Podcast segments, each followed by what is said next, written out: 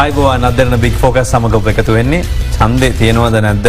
තාමත් ලොක ප්‍රශ්යන් චන්ද තියන්න ඕන නැදක හන දෙන්න චන්ද තියන්න ඕන. එකට දිනයක් ප්‍රකාශයට පත් කළ තිනවා දිනයක් නියමිතව තිබුණ. හැබැයි වුණට තාමත් ප්‍රශ්නයක් අපි හැමෝටම. අප ආරාධනා කලා මැතිව නිරීක්ෂණ සංවිධානයක් විට ෆැපරල් සංවිධානයට සම්බන්ධ වෙන්න. එහි අධ්‍යක්ෂ විදායක අධ්‍යක්ෂ රෝහණ හෙටිය රච්චි මහත්මයට මේ සාකච්ඡාව සඳහා ඉබෝන් බෝ චන්ද ඇත්තම තියෙනවත්දැන් අනිවාරයෙන්ම ඔබ කිව්ව වගේ එක නීතියනේ ව්‍යවස්ථාවනුත් බල කරලා තියනවා. මැතිවරණ පනතනුත් බල කරලා තියනවා. අවුදු හතරකට සැරයක් පළත් පාන් සන්දයනු සිම තියන්න ඕනේ. ති මැතිවන කොමිසම දිනේ මේනකොට ප්‍රකාශ පත් කල තිනවා දෙවනි පාට ආණ්ඩුවේ වක්කීම තමයි විදාහකේ වගකීම තමයි එකට වස සහයදීලා සන්දමසීම පැත්වීම අන්න අන්තිම කෑල්ල. විදායකගේ වගකීම තමයි. තන වගකීම් රහිත විදායකයක් බවට පත්වෙන්නත් පුළුවන්. ඉතහම පැතිලිව මේ දක්වා දැන් මැතිවරණ කොමිසම මැතිවරන්නේ ප්‍රකාශයට පත් කරලා ඒ ක්‍රියාවලි ආරම්භ කළත් තැන් දිවනි වතාවටත් තැපල් චන්ද දිනයන් ප්‍රකාශයට පත් කරලා තියෙනවා.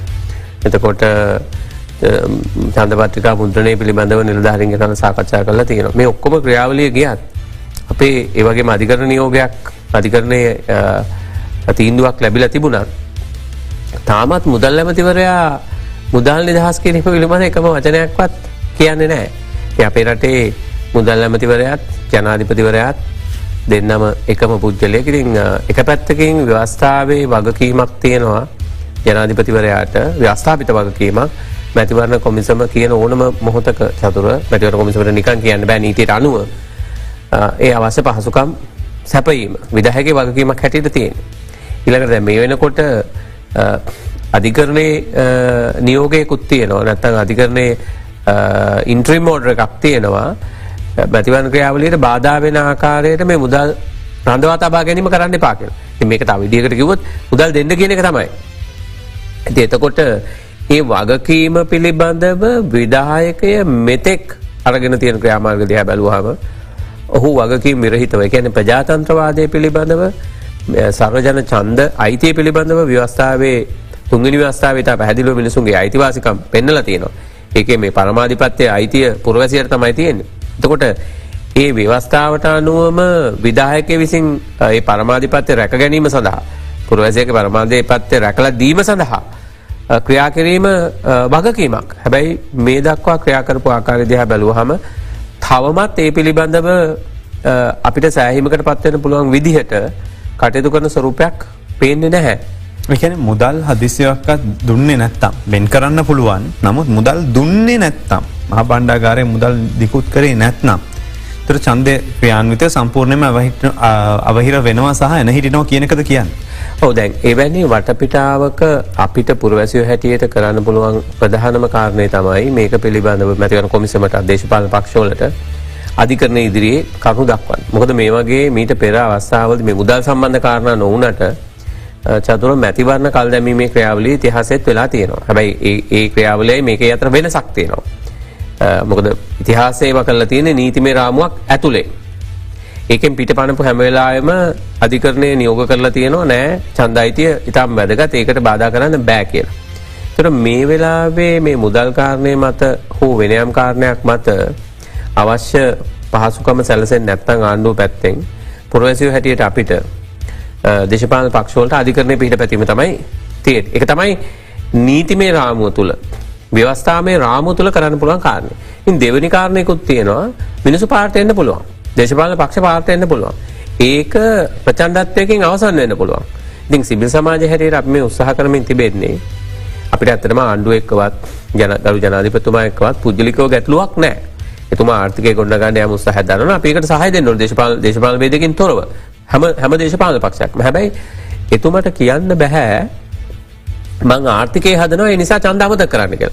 කළමනා කරන කියන මොකක්ද කළමනා කරණය ගැන එකක් අමතක් කරලා අනිත්‍යක කරන එක නෙමේන එකක් නොසලකා හැරලා තව එකක් කරන එක නෙමේන තකොට ආර්ථිකය ප්‍රමුඛ බව ඇත්ත. හැබයි ආර්ථිකයට හා සමානවම ප්‍රමුඛතාවයක් දෙන්න ඕනේ පුරවසියගේ අයිතිය පිළිබඳව. මේ ආර්ථිකය මේ ඔක්කොම කරන්න මොකොටද? මෙරටේ පුරවසියෝ වෙනුවේ එක ව්‍යවස්ථාවේ ඉතා පැහැදිලිව තියෙනවා. එතකොට ජනාධිපතිවරයා දක්ෂයෙක් නම් ඔහුගේ වගකීම වෙන්නේ ඔහු රාජ්‍යපාලක හැටියට ඔහුගේ වගකීම වෙන්නේ මේ ආර්ථිකයක් ඡන්දයිතියත් මේ දෙකම එකට කළමනාකරණය කරනවා. මම කියන්නේ මේ දෙක විතරක් නෙමෙයි තව අ, ජ- මේ ජාත්‍යන්තරය අපිට කළමනාකරණය කරන්න තියෙනවා. ඊළඟට එ- මේ එදිනෙදා කාරණා සම්බන්ධයෙන් ජනාධිපතිවරයා හැටියට බලන්න දෙනවා. මම කියන්නේ මේ කාරණා ගොඩක් අපසරයක් තියෙනවා. හැබැයි මේ වෙලාවේ තියෙන ප්‍රධාන කාරණා දෙක තමයි දෙකක් හැටියට මේක මේ- අපි කොටු කරගත්තොත් අන්න ලඝු කරගත්තොත් ආර්ථිකය සහ ඡන්දායිතිය. එතකොට මේ දෙක කළමනාකරණය කරන්න ඔහු සමත් වෙන්න ඕනේ. ඒක තමයි කළමනාකරුවාගේ වාක්‍යය. ඒකට තමයි ජනාධිපතිවරයාට මහජන මුදලින් ජනාධිපතිවරු නඩත්තු කරන්නේ. ඒකට තමයි කැබිනට් මණ්ඩලයේ මිනිස්සු නඩත්තු කරන්නේ. ඒකට තමයි විශේෂ අමාත්‍යවරු වෙන්නේ. ඒකට තමයි පාර්ලිමේන්තුවක් පත් කළා දෙන්නේ. මේ ඔක්කොම මහජන නියෝත්‍යෝ මහජන මුදලින් නඩත්තු කරලා අපේක්ෂා කරන්නේ අපේ අ, අපිට තනි තනිව කරන්න බැරි ඒ කළමනාකරණය ආණ්ඩුවක් හැටියට පත් වෙලා. ඒක සිද්ධ කරන. ඉතින් ඒක ඒ වගකීමේදී ජනාධිපතිවරයාට කියන්න බෑ මම ආර්ථිකය බලන්නම් මේ ප්‍රජාතන්ත්‍රවාදය අපි පස්සේ බලමු කියලා.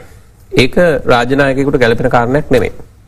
අපිට ප්‍රශ්න කීපයක් තියෙනවා. එතකොට දැන් ඊයේත් සඳහන් කරනවා දැනට මැතිවරණය සඳහා තැපැල් ඡන්දය සඳහා වන පත්‍රිකා මුද්‍රණය කරලා තිබෙනවා කියලා. දිස්ත්‍රික්ක 17ක කටයුතු අවසන් කියලා. දැන් ඔබතුමාලට ඒක නිරීක්ෂණය වෙලා තිබෙනවද? ඒක කරලා ඉවරද? එහෙම නැත්නම් තාමත් මේ ඒ කියන්නේ සාමත් මුසාවක් වෙන්න පුළුවන්ද? දැන් චතුර මේ මේ ප්‍රශ්නේ මේ විදිහට කවදාවත් මතුුනේ නැහැ. දැන් මේ තැපැල් ඡන්ද ඡන්ද පත්‍රිකා මුද්‍රණය කරන්න පොලිසිය දෙනවද නැද්ද කියන එක ඉතිහාසයේ කවදාවත් ප්‍රශ්නයක් වෙලා නැහැ. ඒක ඉල්ලුවාම පොලිසිය දුන්නා. එතකොට ඡන්ද පත්‍රිකා මුද්‍රණය මැතිවරණයකදී ඡන්ද පත්‍රිකා මුද්‍රණය කරන්න කියලා මැතිවරණ කොමිසම මැතිවරණ ප්‍රකාශයට පත් කළාම අ, මු- රජයේ මුද්‍රණාලයේ ඡන්ද පත්‍රිකා මුද්‍රණය කළා. ඒවට සල්ලි ඉල්ලුවේ නැහැ. දැන් පහුගිය කාලේ මැතිවරණ 3-4කම රුපියලක්වත් ගෙවන්නේ නැතුව දෙදස් දහයි දෙදස් දහනමේ රුපියලක මුදලක්වත් ගෙවන්නේ නැතුව චන්දපත්‍රිකා මුද්‍රණය කළා. ඉතින් අපි දන්නවා මේ වෙලාවේ ටිකක් සුවිශේෂී තත්ත්වයක්. ඒ නිසා අ, අපි කියන්නේ නෑ සම්පූර්ණම මුද්‍රණාධිපතිවරිය මේ මුදල් ඉල්ලන එක වැරදි කියලා. හැබැයි මේවා පිළිබඳව හොයලා බලන්න නිරීක්ෂණ සංවිධාන හැටියට අපිට අවශ්‍යතාවයක් මතුනේ නෑ. මොකද ඒවා ඒ සුපුරුදු විදියට සාමාන්‍ය රටාවක ඒක සිද්ධ වුණා. දැන් හැබැයි මේ වෙලාවේ එතුමිය කරන ප්‍රකාශ දිහා බැලුවාම වරින් වර ටිකක් පරස්පර ප්‍රකාශ නිකුත් කරනවා. එක වෙලාවක මේ 17ක් මුද්‍රණය කළා දිශික 17ක කියලා කියනවා. එක වෙලාවක මුද්‍රණය කළේ නැහැ කියලා කියනවා. එක වෙලාවක මිලියන 200ක විතර මුද්‍රණය කළා තියෙනවා කියනවා. තව වෙලාවක කියනවා මිලියන 150ක් විතර කියලා අපි දැක්කා ඊයේ පෙරේදා. ඒකට හැබැයි මේවා මාධ්‍ය හරහා යන තොරතුරු තමයි. අපි පුජ්‍යලිකව එතුමියගෙන් මේවා ගැන විමසීමක් කළා නැහැ. ඉතින් මේ අවිනිශ්චිතතාවය ගොඩනැගිලා තියෙන්නේ ආණ්ඩුවේ ක්‍රියාකාරීත්වය තුල. එහෙම නැත්නම් මේක ඍජුවම කිව්වොත් විධායකයේ විසින් ගනු ලබන තීන්දුව තීරණ මත ඒකම කැබිනට් මණ්ඩලය ගන්න තීන්දුව තීරණ මත දැන් අපිට හරි සරලව චතුර මේක පේනවා මේ මැතිවරණය බාධා කරන්න තමයි මේ පහුගිය කාලේ ගත්ත තීන්දුව හුඟක් අරන් තියෙන්නේ. ඒ කියන්නේ ණය පදනම මත වැඩ කරන්න එපා කියන චක්‍රලේඛය. ඒ පළවෙනි වතාවට නිකුත් වුණා. මම කියන්නේ ජනාධිපතිතුමා හෝ මුදල් ඇමතුමා ඒක නොකළ යුතුයි කියලා. මොකද රටේ ආර්ථික අර්බුදයක් තියෙනකොට. හැබැයි මේක මැතිවරණ ඉලක්කගත කරගෙන කරලා තියෙන බව පේනවා. මොකද ඊළඟට නිකුත් කරපු චක්‍රලේඛ නිසා. ඊළඟ මොකද ඒ චක්‍රලේඛයෙන් ඇතුලෙන් අ, මැතිවරණයට යම් කිසි ප්‍රමාණයකට මුදල් නිකුත් වෙනකොට දෙවනි චක්‍රලේඛයක් එනවා. මේ සීමාවෙන් පිට මුදල් මොනවට හෝ මුදල් අමාත්‍යාංශයෙන් වෙන් කරනවා නම් මුදල් අමාත්‍යවරයාගේ අවසරය ගන්න ඕනේ කියලා. පෙබරවාරි 14 නිකුත් කරපු. පෙබරවාරි 14 නිකුත් කරන. ඒතර ඒකෙන් ඒකෙන් පැහැදිලි පණිවිඩයක් දීලා තියෙනවා. ඊළඟට දැන් මේ ඊයේ පෙරේදා අහපව් තීන්දුවක් එනවා. මොකද අපි දැක්කා මැතිවරණ ක්‍රියාවලියේදී නීතිපතිවරයා මැතිවරණ කොමිසමට සහ මේ අ, වෙනුවෙන් පෙනී හිටින්නේ නැති තත්වයක් තුල මැතිවරණ කොමිසම සිද්ධ වුණා බාහිර පාර්ශවයේ නීතිඥෙක් සම්බන්ධ කරගන්න. එතකොට දැන් අ, තව අ, චක්‍රලේඛයක් නිකුත් වෙලා තියෙනවා නීතිඥයෝ ගන්නව නම් මුදල් අමාත්‍යාංශයෙන් සහ අ, අධිකරණ අමාත්‍යංශයෙන් අවසර ගන්න ඕන කියලා. ඉතින් මෙහෙම මෙහෙම ඉතිහාසයක් අපිට නෑ චතුර. දැන් මේ මේ ඔක්කොම මම කියන්නේ නෑ අහපව් මේවා සම්පූර්ණ වැරදි ක්‍රියා කියලා. මොකද සමහර ලාවට සමහර ආයතන ඊටාම වැරදි ආකාරයට මේ නීතිඥයින්ට මුදල් ගෙවලා අසීමිතව මුදල් ගෙවලා ඒ ආයතන එහෙම කරපු අවස්ථා ඉතිහාසයේ ඇති. ඒ නිසා යම් විදිහක පාලනයක් වෙන්න ඕනේ. හැබැයි මේ සියලු කාරණා ගොඩනැගිච්ච ආකාරය දිහා බැලුවාම අපිට පේනවා මේ මැතිවරණ කොමිසම ඉලක්ක කරලා නැත්නම් මැතිවරණ කොමිසමේ ස්වාධීන ක්‍රියාකාරීත්වය බාධා කිරීම සඳහා තමයි නැත්නම් ඔවුන්ව දුර්මුඛ කිරීම සඳහා තමයි මේ සමස්ත වැඩපිළිවෙල මේ දක්වා ගෙනමින් තියෙන්නේ. හැබැයි සියල්ල උන්ට වචනයක් විදිහට යොදනනේ මේක ඉතිහාසයේ වෙනදාට තිබිච්ච තත්ත්වයක් නෙමෙයි මේ සුවිශේෂී තත්ත්වයක්. ඒ හිතතයි මෙහෙම වෙන්න කියලා. දැන් සුවිශේෂී තත්ත්වය දැන් මැතිවරණය ප්‍රකා දැන් මැතිවරණ කල් දැමීමේදී සුවිශේෂී තත්ත්වයන් තුළ කල් දාන්න පුළුවන්. හැබැයි දැන් මේ මැතිවරණ ප්‍රකාශයට පත් කරනකොට තිබිච්ච තත්ත්වයයි අද තියෙන සුවිශේෂී තත්ත්වයයි මොකද ආර්ථික සම්බන්ධයෙන්? අද ගත්තොත් අපි ආර්ථිකයේ පැත්තෙන් ගත්තොත් අද එහෙමනම් ආර්ථිකය වඩා ශක්තිමත් වෙලා තියෙනවා. දැන් ඩොලරය රුපියල රුපියල රුපියල ස්ථාවර වෙලා තියෙන ඩොලරයට සාපේක්ෂව. විශාල ලෙස ඊයේ වෙනකොට ඒක සමහරවිට ඒක કૃතිම වෙන්න පුළුවන් తాවකාලික වෙනපන්. නමුත් යම් විදිහක ස්ථාවර භාවයකට පත් වෙලා තියෙනවා. ඊළඟට අපි දැක්කා මහ බැංකුව අධිපතිවරයා මෑතක ප්‍රකාශ කරනවා දැන් මූල්‍ය පද්ධතිය හරහා තමයි මේ ආනයන අපනයන ක්‍රියාවලියට අදාළ දේවල් සිද්ධ වෙන්නේ. දැන් මහා භාණ්ඩාගාරයෙන් නැත්නම් මහා බැංකුවෙන් ඩොලර් නිකුත් කිරීමේ අවශ්‍යතාවයක් නැහැ. බැංකු පද්ධතිය ඇතුළේ මේක කළමනාකරණය වෙනවා කියලා. ඒතකොට ආර්ථිකයේ යම් ප්‍රමාණයකට නැගිටීමක් පහුගිය කාලේ සිද්ධ වෙලා තියෙනවා කියලා. එහෙනම් එහෙමනම් ආර්ථික සාධක යම් ප්‍රමාණයකට ස්ථාවර වෙලා තියෙනවා. ඒක නිසා මේක ලෝකෙ කිසිම රටක් චතුර මේ මුදල් නැහැ කියලා, සල්ලි නැහැ කියලා මැතිවරණ කල් දාලා නැහැ. ඒ වගේම මැතිවරණ තිබ්බ නිසා ලෝකෙ කිසිම රටක් ආර්ථික වශයෙන් කඩා වැටලත් නැහැ. මැතිවරණයෙන් කියන්නේ මේ ආර්ථිකය දැන් මේ පළාත් පාලන ඡන්ද විමසීම තිබ්බ කියලා මේකෙන් ආර්ථිකයට ලොකු ගැම්මක් එනවා කියලා අපි කියන්නේ නැහැ.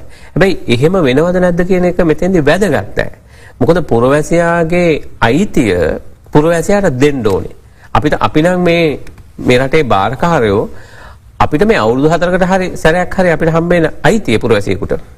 මේ හොඳ හෝ නරක තමන්ගේ අභිමතය ප්‍රකාශ කරන්න ඒක මේ ආර්ථික සාධකේ මත දැන් වැඩි වෙලා කල් දාන්න බෑ. මේක දැන් මෙච්චර කල් පළාත් සභා ඡන්දේ කල් දාලා තියෙනවා. ඒකට හාහුවක් නැතුව හිටපු අය දැන් මේ එකපාරට ඇවිල්ලි ඉවරලා මේ පළාත් පාලන ආයතන ඡන්දෙට ඉල්ලීමක් කරනවා කියන එක තමයි අනික් පැත්තට චෝදනාවක් විදියට දේශපාලන වේදිකාවේදී කියන්නේ.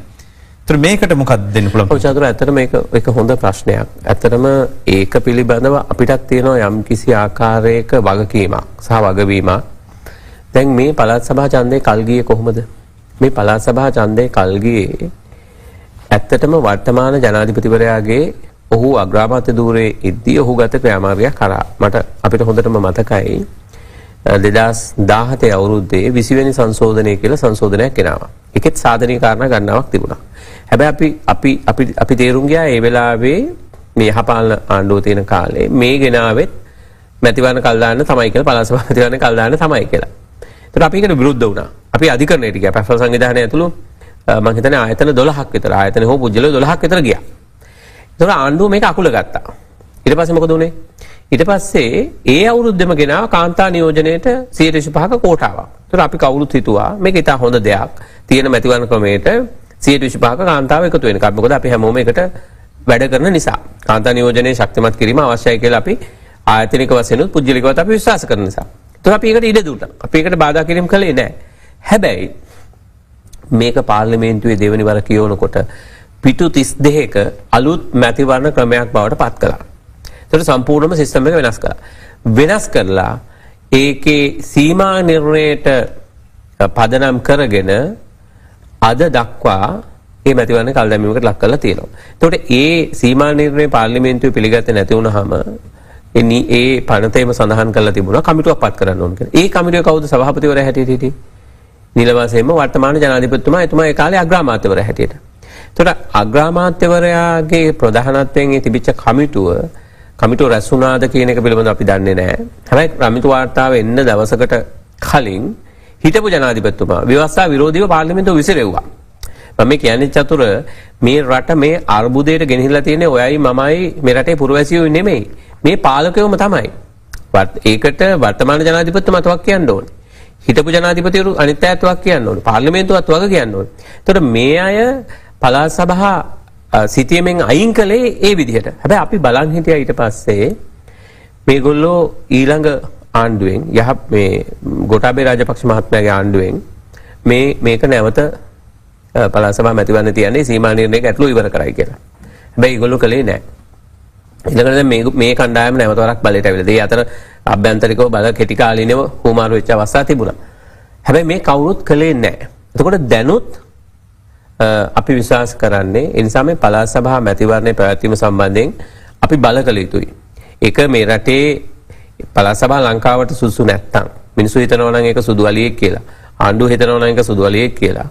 එක ව්‍යවස්ථාදායකය තුළ කතා කරලා එක සංශෝධනය කරන්න ඕනේ. හැබැයි එහෙම නැති තාක්කල් නීතියේ තියෙනවා නම් ඒක අයිකනම් ඒක මොකද අපේ මූලික නීතියේ තියෙන කොටස් මේවා. අපි 13 වෙනි සංශෝධනය කරා මේක ගෙනල්ලා තියෙන්නේ. ඒක මොකද ජනවාර්ගික ප්‍රශ්නෙට විසඳුමක් හැටියට. ඒ වගේ මේක ඉන්දියානු යම් ආකාර ඉන්දියානු බලපෑමක් මේක ඇතුළේ තියෙන නිසා අපිට මේ හිතුවමනාපේ මේවා වෙනස් කරන්න බෑ. එතකොට මේ මැතිවරණය වෙනුවෙනුත් අපි පෙනී හිටින්න අවශ්‍යයි.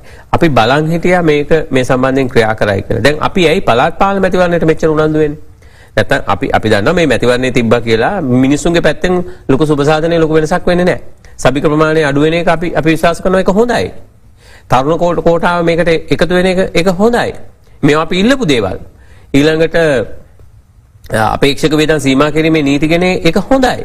හැබැයි අපිට පේනවා ගරු ජනාධිපතිතුමා යහපාලන ආණ්ඩුව කාලේ අග්‍රාමාත්‍යවරයා හැටියට පළාත් සභා මේ ඡන්දය සිටියමින් අයින් කළා වගේ පළාත් පාලන ඡන්දයත් ඉස්සරහා අවුරුදු කීපයකට සිටියමින් අයින් කරන්න තමයි මේ හදන්නේ. මොකද එතුමාගේ එතුමා කරපු ප්‍රකාශ පහුගිය කාලේ කරපු ඒවා දිහා බැලුවාම එතුමා 2024 ඡන්දයක් ගැන තමයි කතා කරන්නේ. ඒ කියන්නේ මේ අවුරුද්දට ඡන්දයක් නැහැ කියන එක කියන්නේ. 2024 මොකද්ද තියෙන ඡන්දය එතුමා කියන? ජනාධිපති වර්ණය. මේවා චතුර මේ තමන්ගේ බලය පවත්වාගෙන යාම සඳහා තමන්ට උචිත වෙලාවේ උචිත තමන් හිතන උචිත මැතිවරණය තබා ගැනීම සඳහා තමයි මේ පාලකව ක්‍රියා කරන්නේ. ඒක වර්තමාන ජනාධිපතිතුමා විතරක් නෙමෙයි ඇත්තටම. මේක හිටපු ජනාධිපති මහින්ද රාජපක්ෂ මහත්තයත් මේ මේ කටයුත්තම කළා. හැබැයි එතුමා ඡන්ද කෑලි කෑලි තිබ්බා කලින් තිබ්බා. හැබැයි මිනිස්සුන්ට ඡන්දේ දුන්නා. ඒතර මිනිස්සු තමන් කැමති විදිහට ඡන්දේ පාවිච්චි කළා. ඒක ප්‍රජාතන්ත්‍රවාදීව මූලික හරයට ලොකු බලපෑමක් එල්ල කළේ නැහැ. ඒකෙන් වාසි ගන්න උත්සාහ කළා. හැබැයි අවසානයේ ජනතාවට අයිතිය දුන්නා. ඒගොල්ලෝ කැමති කෙනෙක් තෝරගන්න. මොකද ඡන්ද පොළට ගිහිලා බලපෑම කළේ නැහනේ. ඒ සිස්ටම් එක ඇතුලේ තමයි බලපෑම කළේ. දැන් මේ මොහොතේ වෙමින් තිබෙන්නේ ජනතාවගේ සම්පූර්ණ ඡන්ද අයිතිය පැහැර ගැනීමක්. ඉතින් මේකට ඉඩ දෙන්න හොඳ නැහැ. මේකට මේකට ඉඩ දුන්නොත් මේ විදිහටම පාර්ලිමේන්තු මැතිවරණේ මේ විදිහටම ජනාධිපතිවරණේ නොකරයි කියලා අපිට තක්සේරුවක් නැහැ. මොකද ඉතිහාසය දිහා බැලුවහමත් එහෙම තමයි මේ පාලකයා ක්‍රියා කරලා තියෙන්නේ. දැන් මේ තර්කේ ඊට පස්සේ මතු කරන තව ප්‍රධාන තර්කයක් එකක් තමයි දැනට පළාත් පාලන ආයතන නියෝජිතයෝ මේ ඉන්න 8000කට වැඩි පිරිස ඉවත් විය යුතුයි. ඉවත් කළ යුතුයි. එතකොට අලුත් සීමා නිර්ණයක් යටතේ දැන්ට කියන්නේ 4800ක් පමණ වෙයි කියලා. එතකොට මේ නියෝජිතයෝ සංඛ්‍යාව අපරාධයක් මේක අඩු කරලා මේ ගානට ගේන්න ඕන කියන එක. මේ චන්දය වනත් එහෙම තියාගමු කියල දැන් යෝජනාවකුත් තියෙනවා. එතවට මේකට මැතිව නිරීක්ෂණ සංවිධායන විදිහට ඔබතුමල්ලගේ මතය මොකද මේ ගැන. එතාම පැහැදිලි එතාම පැහැදිලිම මුලින් කිව්ව වගේ මේ අටදාහ ඇත්තටම අපේ සිස්ටම එකට ඔරුතු දෙන්නේ නෑ මේක බැඩි. ලංකාවේ සාමාන්‍යයෙන් දෙදස් දෙසි විසි පහකට එක මහජන යුත්තෙක් ගාන ඉන්න දැන් අටදා සස්සේ දහනමක් පළත් පාලන ඉන්න පලස් සභහවලට එනකොට හාසය පලස් පහක් ඉන්නවා. එතකොට පාර්ලිමේන්තු 225 ජනාධිපතිවරයයි මේ ඡන්ද ප්‍රමාණය බැලුවහම ඒ ජනගහණයට සාපේක්ෂව ලොකු ප්‍රමාණයක් ඉන්නවා සාමාන්‍ය අපේ කලප්. හැබැයි මීට වඩා වැඩියෙන් තියෙන රටවලුත් ඉන්නවා මේ මාලදිව වෙන වගේ රටවල්. නමුත් අපේ තියෙන තත්ත්වය අනුව මේක මේ අනවශ්‍ය ප්‍රමාණයක්. නිසා මේක අඩු වෙන්න ඕනේ කිසි වාදයක් නැහැ. හැබැයි දැන් මේකේ ඇත්ත පර්පස් එකයි මෙතන අපිට තියෙන ප්‍රශ්නේ තියෙන්නේ. මොකද මහජනයාගේ විශ්වාසය ඇතිවෙන ආකාරයට ක්‍රියා කරන්න ආණ්ඩුව සමත් වෙලා නැහැ. දැන් මේ පළාත් පාලනයේ සබික ප්‍රමාණය වැඩි උනේ කාගේ මැදිහත්වීම තුලද? ඒක වැඩි උනේත් ගරු ජනාධිපතිතුමාගේ එතුමා ග්‍රාමාත්‍යවරයා හැටියට ඉන්න කාලේ ආපු සංශෝධන හරහා. එතකොට පළාත් පාලනයේ අවුරුදු 4ක් ක්‍රියාත්මක වුණා. මේ වැඩිවීම ගැන කතාවක් තිබුණේ නැහැ. ඊට පස්සේ අවුරුද්දක් දීර්ඝ කළා. ඒ අවුරුද්ද අවසාන වෙනකම්ම මේ කතාබහක් තිබුණේ නැහැ. එතකොට මේ හදිස්සියේ මේ කතාබහ එන්නේ කොහොමද? මේ හදිස්සියේ මේ කතාබහ එන්නේ මේ සීමා නිර්ණය. මොකද මේක මේක සම්පූර්ණ චිත්‍රය බලන්න ඕනේ චතුර. දැන් මේ සීමා නිර්ණය කමිටුව පත් කරන්නේ එක දවසකින්. ආයතන තුනකින් ලියුම් ගිහිල්ලා කැබිනට් මණ්ඩලයට අවසානයේදී මේ ජනාධිපති ලේකම්වරයාට ලියුම් ගිහිල්ලා එක දවසක් ඇතුළත සීමා නිර්ණය පත් කරනවා. කමිටුව පත් කරනවා. කොච්චර වේගවත්ද කියලා බලන්නකෝ. එතකොට මේ සම්පූර්ණ ලොකු චිත්‍රය දිහා බැලුවාම පේනවා මේක ඇත්ත පර්පස්. එතනයි මෙතන ප්‍රශ්නේ තියෙන්නේ. අපි ඔක්කොම එකඟයි ගරු ජනාධිපතිතුමත් එක්ක මේ කොට්ටාස ප්‍රමාණය වැඩි. නැත්නම් සබික ප්‍රමාණය වැඩි. මේක 4000ක් 5000ක් අතර ප්‍රමාණයට අඩු කරන එක හොඳයි. හැබැයි මේ වෙලාවේ මේ කරන්න උත්සාහ කරන්නේ ඒකද? ඒක මේ අතුරු පුංචි ප්‍රතිඵලයක් හැටියට විතරයි ඒක.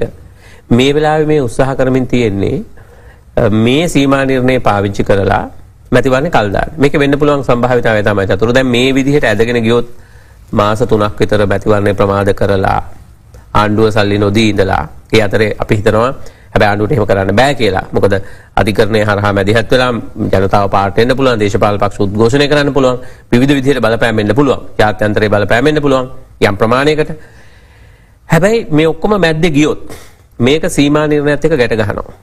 ගැට ගැස් ගැට ගැහුවට පස්සේ පාර්ලිමේන්තු සම්බන්ධ පාර්ලිමේන්තු පනතකින් අලුත් සීමා නිර්ණය ආවොත් ඒකත් එක්ක ගැට ගහනවා. ඊට පස්සේ මොකද වෙන්නේ?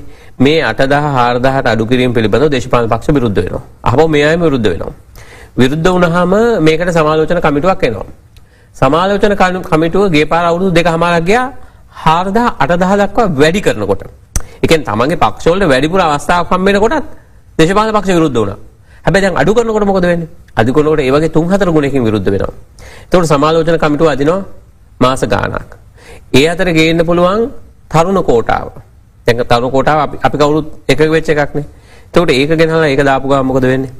ඔන්න මේ නාම යෝජනා කැන්සල් කරන්න වෙනවා. මේ සීමා නිර්ණය කොටස් ප්‍රමාණය අඩු කළාම මොකද වෙන්නේ? මේ මේක කැන්සල් කරන්න වෙනවා.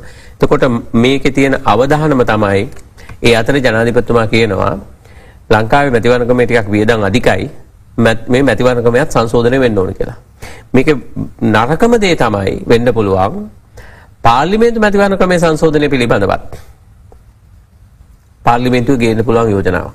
ගෙනල්ලා අහපව් කමිටුවක් දාලා අර වගේම මිශ්‍ර සමානුපාතික ක්‍රමයකට ගෙනාවොත් ඔය පළාත් පාලනයට වෙච්ච දේ පළාත් මේ පළාත් සභාවට වෙච්ච දේ පළාත් පාලනයට කරන්න යන දේ වගේම පාර්ලිමේන්තුවත් වෙන්න පුළුවන්. එතකොට නීතියක් නැහැ. ඒ කියන්නේ නීතියක් සම්පාදනය කරලා ඒ අනුව සිස්ටම් එකක් ස්ටැබ්ලිෂ් කරලා හැබැයි සිස්ටම් එක අතරමඟ හිර කරනවා. සීමා නිර්ණය කාරණේ දාලා. මේක හොඳට එක්ස්පීරියන්ස් වෙච්ච කාරණයක් දැන්. එතකොට මේ ජනාධිපතිතුමාගේ ප්‍රකාශ ඇනලයිස් කරලා බැලුවාම එතුමා කියනවා අපි පිළිගන්නවා. රටේ මැතිවරණ ක්‍රමය ටිකක් වියදම් අධිකයි. ඒ හැමෝම හිතනවා මැතිවරණ ක්‍රමය සංශෝධනය කරන්න ඕන කියලා. ඒක පාවිච්චි කරලා පාර්ලිමේන්තු මැතිවරණයටත් මේක නොකරයි කියන විශ්වාසය අපිට නැහැ. මොකද ඉතිහාසයේ පුරාවටම මේ පාලකයෝ මහපව් කියන්නේ මේ ජනාධිපතිතුමා විතරක් නෙමෙයි දේශපාලඥයෝ පිළිබඳව දේශපාලඥයෝ බලය අරබයා ක්‍රියා කරලා තියෙන ආකාරය දිහා බැලුවහම පාර්ලිමේන්තුව ඇතුලේ සහ පාර්ලිමේන්තුවෙන් පිට මහජනයාට මේ පිළිබඳ විශ්වාසයක් නැහැ. නැත්තම් චතුර මේ වෙලාවේ දේශපාලන පක්ෂ ඔක්කොම එකඟ වෙලා මේ ආර්ථිකය ගොඩ දාමු කියලා සාකච්ඡා කළා. ආණ්ඩුවත් විපක්ෂෙත් ඔක්කොම එකට එකතු වෙලා මේක කරනවා නම් මැතිවරණ තියෙන කාලවකවානු පිළිබඳව වුන් නීතිමය රාමුවක් ඇති කරගෙන මාස 3කින් හරි 6කින් හරි තියන්න එකඟතාවයක් ඇති කරනවා නම් මේ රටේ පුරවැසියෝ ඒකට විරුද්ධ වෙන්නේ නැහැ. ඒකට විරුද්ධ වෙන්නේ නැහැ. මෙතන විරුද්ධ වෙන්නේ අපිට මේ කවුරුවත් පිළිබඳ ලොකු විශ්වාසයක් නැහැ. ආණ්ඩුව පිළිබඳ විශ්වාසයකුත් නැහැ. විපක්ෂ පිළිබඳ විශ්වාසයකුත් නැහැ. පොදුවේ දේශපාලන යාන්ත්‍රණය තමන්ගේ විශ්වාසය බිඳවට්ටගෙන තියෙනවා. රාජ්‍ය ආයතන ක්‍රියාවලිය දැන් මැතිවරණ කොමිසමයි මෙච්චර විවේචනය වෙන්නේ. මේ ආයතන ව්‍යුහයන් බිඳ වට්ටලා තියෙන්නේ. ඒවා ආයතන විසිනුත් බිඳ තමන්ගේ විශ්වාසයන් බිඳගෙන තියෙනවා. හැබැයි දැන් ආණ්ඩුව විසිනුත් පහුගිය කාලේ බලන්න මැතිවරණ කොමිසමට ගහපු පහර දීම මැතිවරණ කොමිසම ගත්ත නීති ක්‍රියාමාර්ග පිළිබඳව ජනතාවගේ අවිශ්වාසය ජනනය වෙන විදිහට තමයි විධායකයෝ ඉඳලා පහළටම ක්‍රියා කළේ. අනිවාර්යයෙන්ම. ඉතින් මේවා මේ යාන්ත්‍රණ බිඳ වැට්ටුවොත් ආණ්ඩුවකට කෙටි කාලිනව මේවා දේශපාලන වාසි ගන්න පුළුවන්. හැබැයි රටක් ඉස්සරහට යන්න බෑ. මේ විදිහට මේ ආයතන ව්‍යුහයන් හර පද්ධතින් අධිකරණය ගැන තියෙන විශ්වාසය, මැතිවරණ කොමිසම ගැන තියෙන විශ්වාසය, පොලිසිය ගැන තියෙන විශ්වාසය, ආයතන ගැන මිනිස්සුන්ට තියෙන විශ්වාසයන් බිඳ වැටුනොත් ජනාධිපතිවරයා ගැන, අග්‍රාමාත්‍යවරයා පිළිබඳව කැබිනට් එක ගැන මිනිස්සු විශ්වාසය බිඳ වැටුනොත් ඒ රටක් ඉස්සරහට යන්න බෑ. ඉතින් ඒක මේ අය තේරුම් ගන්නේ නැහැ. තමන්ගේ කෙටි කාලීන දේශපාලන වාසිය සඳහා තමයි බොහෝ දෙනා කටයුතු කරන්නේ. අපි විරාමිකට යොමු වෙලා ඇවිත් කතා කරමු තවදුරටත් මේ අද දරන බික් ෆෝකස්. ජලිත බද දෙන්න බික් ෝක සමග එකතු වෙන්නේ අපිත් එක එකතු ලයින්න පැරල සංවිධාන විදායක දක්ෂ රෝහණ හිටියරචි මහත්ම අපි කතා කරමිනින්නේ චන්ද කල් දැමීම එමනතන් චන්දි පැත්වීම සහය සබඳ ගන්න ක්‍රියාමාර්ග පිළිබඳව උනන්දුවත් තියනොද ගැද පැහදිලම විදායකය විසින් තමන්ට තියෙන උනන්දුව පෙන්නුම් කරලා නෑ චන්දය පැත්වීම සම්බන්ධව. ඒ අපි මෙතෙක් සාකච්ඡා කළ කරුණ. හැබැයි දැ මේකේ මුල්්‍ය බලය කියන එක පාර්ලිමෙන්තු ඉදිරිපත් කිරීම පාර්ලිමෙන්තු ලැබීම කියන එක. වෙනම කාරන දැගත්වති ඉරන් වික්‍රමලත් මන්ත්‍රතුමා පෞද්ගලික මන්ත්‍ර යෝජනාවක් විදිහට ඒ සම්බන්ධයෙන් යෝජනාවක් පවා ඉදිරිපත් කරලා තිබෙනවා. මේක මොකද තියෙන වැදගත්කම? තොට පාර්ලිමේන්තුවට මුල්්‍ය බලය මේ වෙලාේ නැද අපි එලිය හිතගෙන ජනතා පාර්ලිමෙන්තු තමයි තිරණය කරන්න කියරලා එතරම හෙමක නැද්ද. ඇත්තටම ව්‍යවස්ථාවට අනුව මූල්‍ය බලය තියෙන්නේ පාර්ලිමේන්තුවට. හැබැයි දැන් අපි දැක්කා ඒ පෙරෙද අපේ මිත්‍රයා මේ දොළවත්ත මන්ත්‍රීතුමත් මේ සම්බන්ධයෙන් බොහොම සරකතාවක් පාර්ලිමෙන්තුව කරනවා ඒ අධිකරණයට ව්‍යවස්සාදායකය ක්‍රියාවලියට මැදිහත්වෙන්න බෑ කියන කාර්තය. මූල්‍ය බලය සම්බන්ධයෙන් හරි සරලයි පැහැදිලි අපි හැමෝම විශ්වාස කරන්නේ නීතියට අනුවත් පාර්ලිමෙන්තුව තමයි බලය තියෙන්නේ. හැබැයි චතුර දැන් අපි මේ ආර්ථික අර්බුදයට ලක්වෙලා තියෙන්නේ ඇයි. මේ ආර්ථික අර්බුදයට ලක්වෙලා තියෙන්නේ පාර්ලිමේන්තුවට ඒ මූල්‍ය බලය ක්‍රියාත්ම කරන්න බැරි වෙච නිසා. පාර්ලිමේන්තුව තමන්ගේ මූල්‍ය බලය හරියට පාවිච්චි කලා නං අපේ රටේ මුදල් ටික කල්මනා කරණය කලා නම් තැම අවුරුදු නිදහසෙන් පස්සේ අවුරුදු සීයකට ආසන්න කාලයක්. මේ රට මේ ආර්ථික අගාදයට වැටුනේ අපේ මුදල් කළමනා කරණය කරන්න අපි පත් කරල යවපු අයට ඒ මුදල් කළමනා කරණය කරගන්න බැරි වුණා. ඔවුනේ මුදල් කළමනා කරණය තමන්ගේ බලය විදායකයට දීලා තිබුණා. විදායකේ තමයි හුඟක් කලාවට මෙ සම්බන්ධය තීන්දු ගත්තේ. ව්‍යවස්ථාදායක මේක සීල්ලයක් වගේ තමයි පහුගි කාලෙ ක්‍රියාත්මකුණේ එහම නැත්තන් එහෙමුණේ නෑ කියලා කියනවන ලං මේ වස්සාදායක සම්පූර්ණයෙන් මේකට වගේ කියන්න ඕන මේ අපි අපි සංක බැංකෝකට ගිහින් සල්ලිධානව නං ඒ බැංකුවේ නිශ්ිත කාලෙක අපිට පොලිය මේ ප්‍රමාණයට අපි පොලි අපේක්ෂා කරනවා කියලා. මේ මුදල්ටික අපිට ආරක්ෂා කරලා ආරක්ෂාහෙසෝ අපිට ඔන්ලාවට දෙන්න ඕනි කියලා. එතකොට බැංකුවේ වක්කීම තමයි ඒක. අපි ව්‍යාපාරයකට ආයෝජනය කළ අපි සීෝ කෙනෙක් දානවනං හොඳ පඩියක් ගෙවල පාහන ඇද්දීලා අපි සීෝට කියන්නේ මෙන්න අපේ සල්ලි ටික. මේක හරියට ප්‍රවේශමෙන් මේක වියදන් කරන්න. මේ ආයෝජනය කරන්න. ආයෝජනය කළ අපිට ප්‍රතිලාභගෙන් ඕන කියලා. හැබැයි අපේ ව්‍යවස්ථාදායකයට ප්‍රතිලාභගෙන එක තියා අපි එකතු කරලා දෙන බදු ටික කළමනා කරණය කරලා ලාභ නැති වුණත් පවත්තගෙන යන අසමත් වෙලා තියෙනවා. තැන් එහෙම අසමත් වෙච්ච කණ්ඩායමක් කියනවා අපිට තමයි මේ මුල්ල බලය තියෙන්නේ කියල්. එතකොට දැන් මේ වෙලාවේ ඇයි මේ මූල බල පිළිබඳ ප්‍රශ්න තියෙන් අපි අපි තවවිදිකට කල්පනා කරමක දැන් මේ මේ පළත්පාල චන්දමසිට අදාළ කාරණයදීම තැන් පාර්ලිමේන්තුවට නම් මූල්‍ය බලය තියෙන්නේ අපි තිශ්වාස කරන ආකාරයට ඇත පාර්ලිමේන්තුවේ දෙදස් විස්තුනේ අයවැය සම්මත කරලා තියෙනවා. තොට ඒ අයවැය කියලතින මේ මේ කාරණාවට අපි මුදල් දෙන්න කියලා. ආදාය උපාදනය කරන්න මේ විදිහ කාරණකය. එතකොට පාර්ලිමේන්තුව සම්මත කරලා දීපු මුදල් ටික තනි පුද්ජලයෙක් මෙන්න මේකට බෙන් කරන්න කියලා දීපු ටික තනි පුද්ජලයකුට නවත්තන්න ඉඩ දෙනොද පාර්ලිමේන්තුව. මුදල්ල මාත්‍යවරයට ඒක ඒ අදාළ කාරණාවලට නොයොදවා තියාගන්න ඉඩකට දෙනවද පාර්ලිමේන්තුව? පාර්ලිමේන්තුව මුදල් බල තින පාර්ලිමේන්තුව ප්‍රශ කරන්න ඕනේ. පල්ලිමිතු එකට එරහි වෙන්ඩ ඕනේ. තකට ඒ රැවීමේද ආණ්ඩු පක්ෂ විපක්ෂ කියලා තියෙන බෑනේ. මේ හැමෝම නැතිවන කොමිස මේ වැෑසීසේ ගත්තහම මේ පිළිබඳව අයවැයි විවාදයේදී කිසිදු දේශපාලන පක්ෂයක් කිසිදු විරෝධී වචනයක් ප්‍රකාශ කළේ නෑ. එකැනෙ පාර්ලිමේන්තුවේ ඉන්න දෙසිය විසි පහම හෝ ඒ මොහොතේ රැස්වීමේ සහභාග වෙලා හිටපු සියලු දෙනා මේ මැතිවන කොමිසමේ වියදම් පිළිබඳව එකතාවේ පල කලා. එතකොට එකට ආණ්ඩු පක්ෂ විපක්ෂි කල තිබුන්නෑ තවට එච්චර එකඟතාවයක්. ගොද අනික් සමහර වැෑසීට සම්බන්ධයෙන් විවිධ තර්ක විතර්ක මේක ආවා. හැබයි මේ වැෑසීර්සය සම්බන්ධය හෙමක්කාව නෑ තකට සියලු දෙනාම එකඟ වෙලා පාර්ලිමේන්තුවෙන් සම්මත කරපු වැෑසීර්සය නිදහස් කරන්න නැති වෙනකොට පාර්ලිමේන්තුට වගකීමක් නැද්ද? තොට ඇයි දැම් මේ හදිසේ පාර්ලිමේන්තුවේ මූල්‍යවක්කීම් පිළිබඳව මතක් වෙලා තිය හදිසිය මතක් වෙලා තියෙන්නේ අධිකරණය පාර්ලිමේන්තුවේ අයිතිවාසිකම් ආරක්ෂා කරන්න ජනතාවගේ අයිතිවාසිකම් ආරක්ෂා කරන්න තීන්දුවක් ගත නිසා. අපි නියෝජිතව අවලා අපේ අයිතිවාසයම් රකෙන්ට කියල පාලිමෙන්තු මන්ත්‍රවරුට කියලා තියෙන. තවට පාලිමේන්තු මන්ත්‍රවරු අසමත් වෙනකොට අපේ අයිතිවාසිකම් ටික රකින්ඩ තව කණ්ඩායමක් කෙලිම රිජෝම කියල කියන අධිකරණයට බෙන්න්න අපේ අයිතිවාසිකම් ටික රැකෙන්නේ නෑ පාර්ලිමේන්තුවෙන්. අපි දීලති අපි අපි කළමනා කරණය කරන්න දීලා තියෙන මුදල්ටික නියමිදියට යොද වෙන්නේ නෑ අපේ මූලික අයිතිය වෙන පරමාධිපත්තය අපිට රැකගණ්ඩ පාර්ලිමෙන්තුව ක්‍රියාවලි තුළ සිද්ධ වෙන නෑ කියල අන්න අධිකරණය කියනවා එහෙම කරන්න බෑ. ඒ මිනිසුන්ගේ අයිතිය ඉඩ දෙන්න ඕන කියල. ද මේ පිලස් තුන චතුර ව්‍යවස්සාදායක විදාහයක අධිකරණය කියන තුන සමාන්තරව ගමන් කරන්න මේ එකක් පරයා එකක් යන්න උත්සාහ කළොත් එකින් වෙන්න විනාසයක්. එක වෙන එක පවුලක් වගේ අම්මයි තාත්තයි දරුවේ අතර යම් විදිහක සහජීවනකින් ක්‍රියාත්මක වෙන්නේ නැත්තම් ඒ පවුල එක විනාශයට යනවා. එතකොට පාලකයෝ තමන්ගේ බලව්‍යාපෘතිය සඳහා මේ පිලස් එකිනෙකාට අභියෝග කරන තත්ත්වයට පත් වෙලා තියෙනවා. එතකොට එහෙම වුණොත් විනාශ වෙන්නේ ඒ පිලස් තුන විතරක් නෙමෙයි. ඒ පිලස් යටතේ ජීවත් වෙන සමස්ත පුරවැසියා. ඒ නිසා විධායකය මේ වෙලාවේ කල්පනා කරන්න ඕනේ. ව්‍යවස්ථාදායකය මේ වෙලාවේ කල්පනා කරන්න ඕනේ. මේවා ආරක්ෂා කරගෙන කොහොමද කටයුතු කරන්න කියලා. අධිකරණයේ ස්වාධීනතාවය අධිකරණයට කොහොමද ලබලා දෙන්නේ?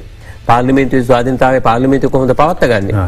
මේ ටික තේරුම් ගන්න නැතුව මේ ටිකට අනුගත වෙන්නේ නැතුව මේ රට ඉස්සරහට යන්නේ නැහැ. ආර්ථිකය හදන්න බෑ.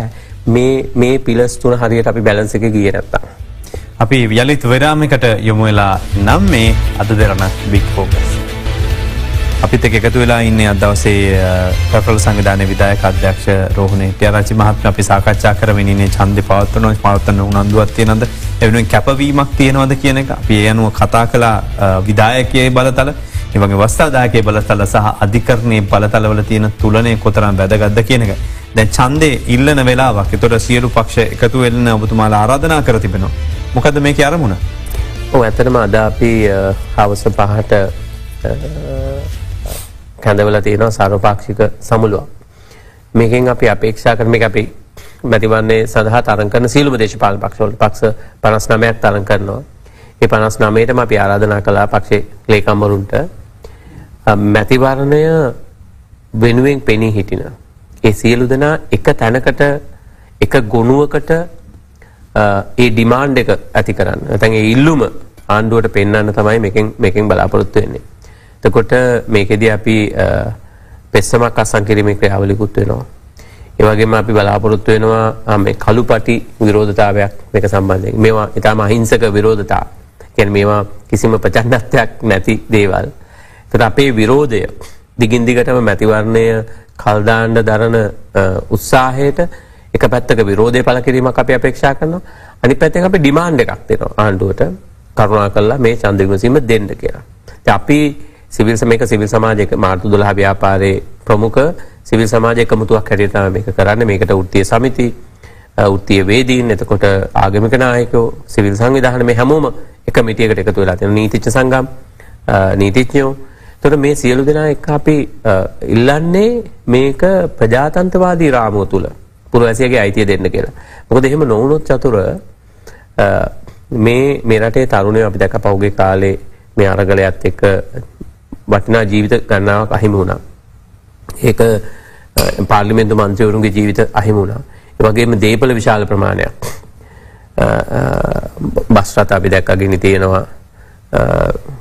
වැව් වලට දානවා. ඊළඟට ගෙවල් ගිනි තැබීම් සිද්ධ වුණා. මහජන නියෝතෙන් ගෙවා වුණා. ඊළඟට තරුණයින්ගේ ජීවිත ගණනාවක් අහිමි වුණා. මේ ඇයි ඇයි ප්‍රජාතන්ත්‍රවාදී රාමුව තුල මහජන හඬට ඇහුම්කන් දෙන්නේ නැති වුණොත් පාලකයෙක්? ඒක ප්‍රචණ්ඩත්වයෙන් තමයි අවසන් වෙන්නේ.